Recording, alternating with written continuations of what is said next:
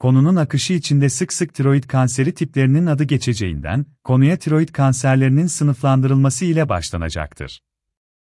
Tiroid kanseri dendiğinde genellikle tiroidin temel yapısında bulunan hücrelerden kaynaklanan kanserler anlaşılır.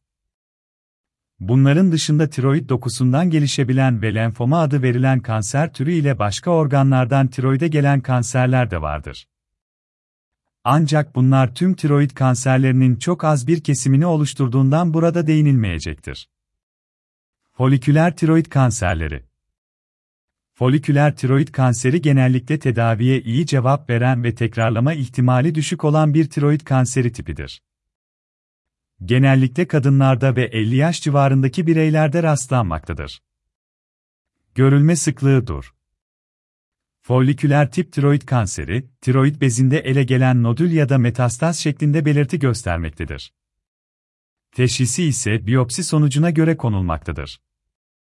Medüler tiroid kanserleri Medüller tipteki tiroid kanseri, tiroid kanserlerinin 5-10'luk kısmını oluşturmaktadır. Medüller tiroid kanserinin görülme sebebi genellikle genetiktir. Boyundaki lenf bezlerine sıçrama ihtimali diğer kanser türlerine göre daha yüksektir. Boyunda kitle veya tiroid bezinde nodül saptanması ile kitlelerden biyopsi alınması ve kandaki kalsitonin hormon seviyelerine bakılması gerekmektedir. Az diferansiye tiroid kanserleri Hastaların büyük bölümünde uzun yıllardır var olan guatr ve son dönemlerde bu nodüllerde büyüme gözlenmesinin söz konusu olması beraber, genellikle ani ve hızlı büyüme durumu nadirdir. Az diferansiye tümörlerde cerrahi müdahale sonrasında atom tedavisi, cerrahi girişim düşünülmeyen hastalarda ise kemoterapi tedavisi tercih edilmektedir.